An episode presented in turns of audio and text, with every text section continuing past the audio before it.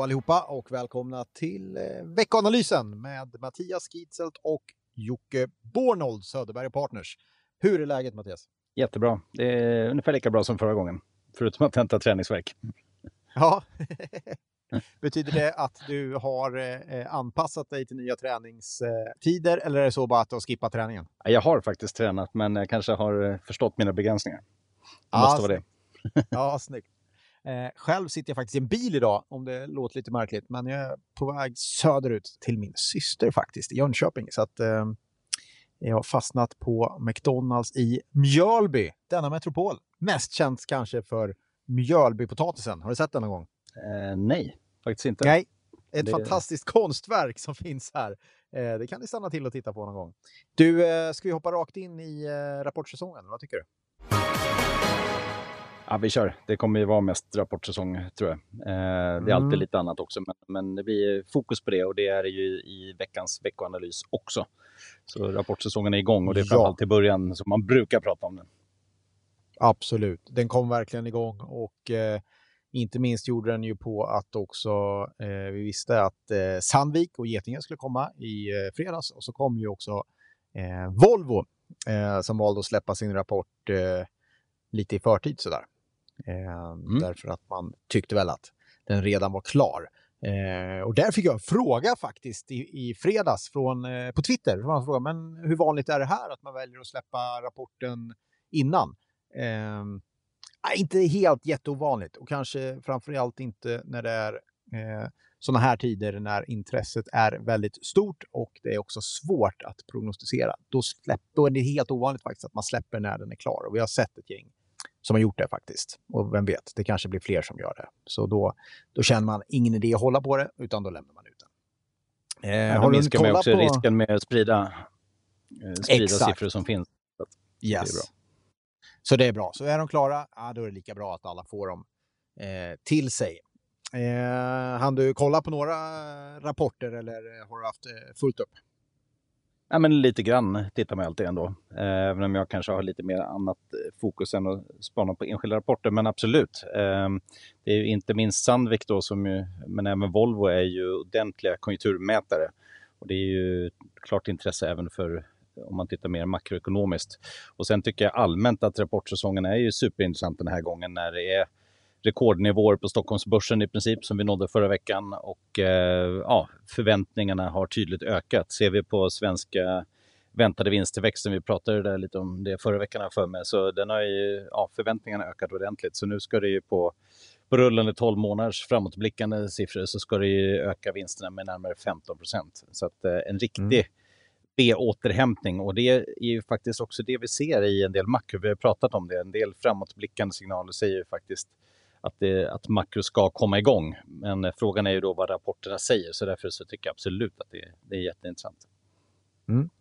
Man kan väl ta fasta på att både eh, Sandvik och Volvo, dessa industrijättar, eh, levererar ju bra resultat, klarar coronan bra. Eh, Volvo framförallt kanske som har en historik av att vara eh, ganska svaga vid kris och lågkonjunktur eh, klarade ju det galant eh, hittills med en marginal som nästan, eh, nästan låg på 10 procent. Och det, det är ju marginalsiffror som man knappt klarat av i högkonjunktur tidigare, så det är ju Mm. klart positivt eh, faktiskt. Eh, det man kan eh, ta tillvara på där, ja, men det är väl att både Sandvik och Volvo är ganska försiktiga inför 2021.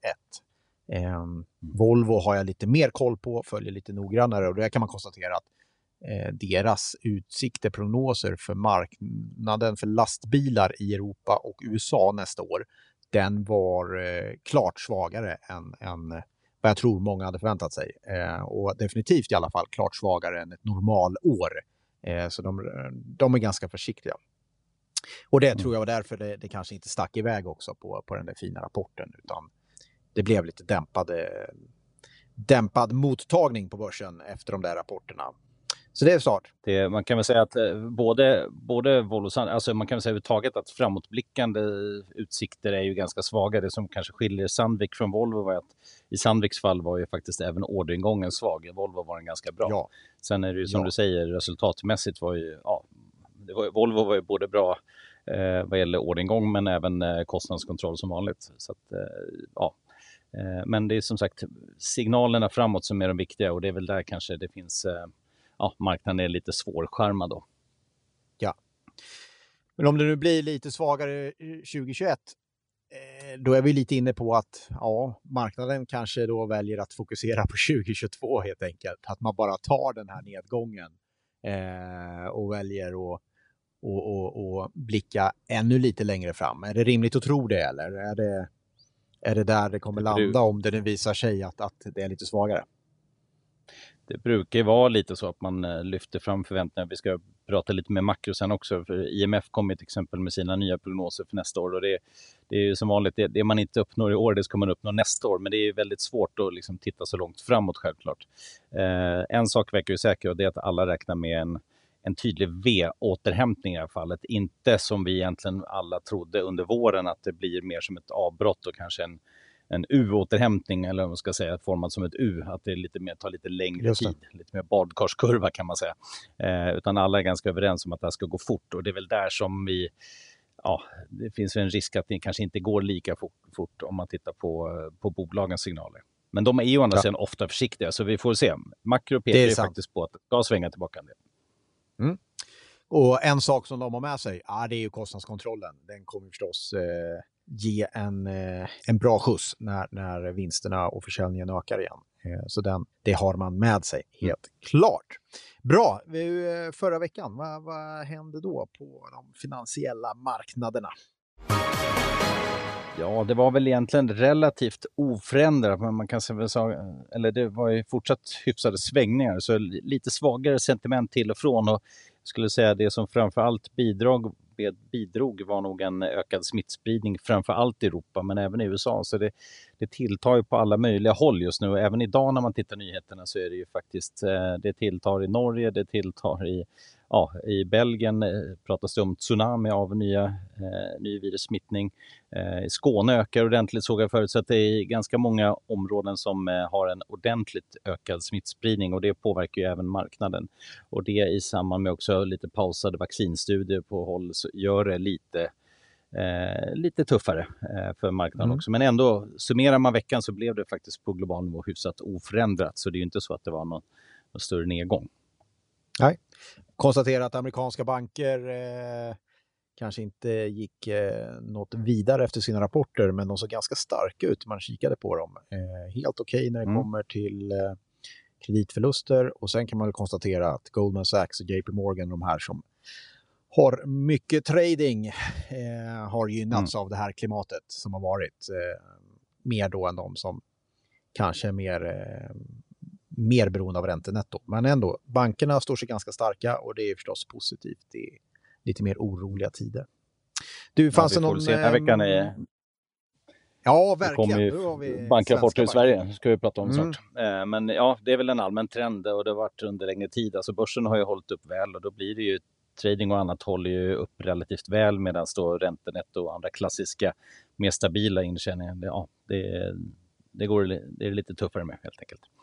Mm. Eh, men sen i övrigt då förra veckan, ehm, vi hade ju lite makro då också. Eh, det som bland annat eh, kom var ju då detaljhandel i USA. Växte med 1,9 procent, väntat 0,7 såklart bästa största ökningen på tre månader. Så det ser ja. okej ut och sen så var det en hel del fokus på IMF-rapporten som kom och man kan Just väl säga att där är det ju ja, lite bättre siffror än vad man tidigare sagt. Det vill säga man på global nivå så reviderar man upp årets siffror något. Så tittar man väntad tillväxt för 2020 då så är det minus 4,4 procent i tillväxt och nästa år så ska den öka 5,2. Och då har man alltså dragit upp i år lite grann och ner lite grann nästa år. Eh, men de tar i princip ut varandra. Och det man har dragit upp mest då är ju framförallt mogna ekonomierna och då framförallt USA. Eh, mm. Men sen ser vi faktiskt, eh, om man bara tittar total tillväxten i år, så vilka, vad är det som sticker ut? Jo, några länder på negativ sida, Storbritannien inne till exempel, och positivt bland annat då Sverige faktiskt som ju har inte har stängt ner lika mycket av sin ekonomi och som klarar sig ja, relativt väl i alla fall. Så några länder lite sämre, några lite bättre.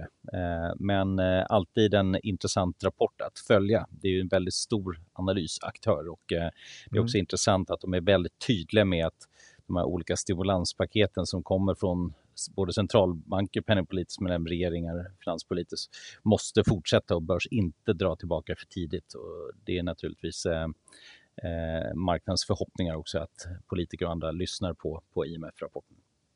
Just det.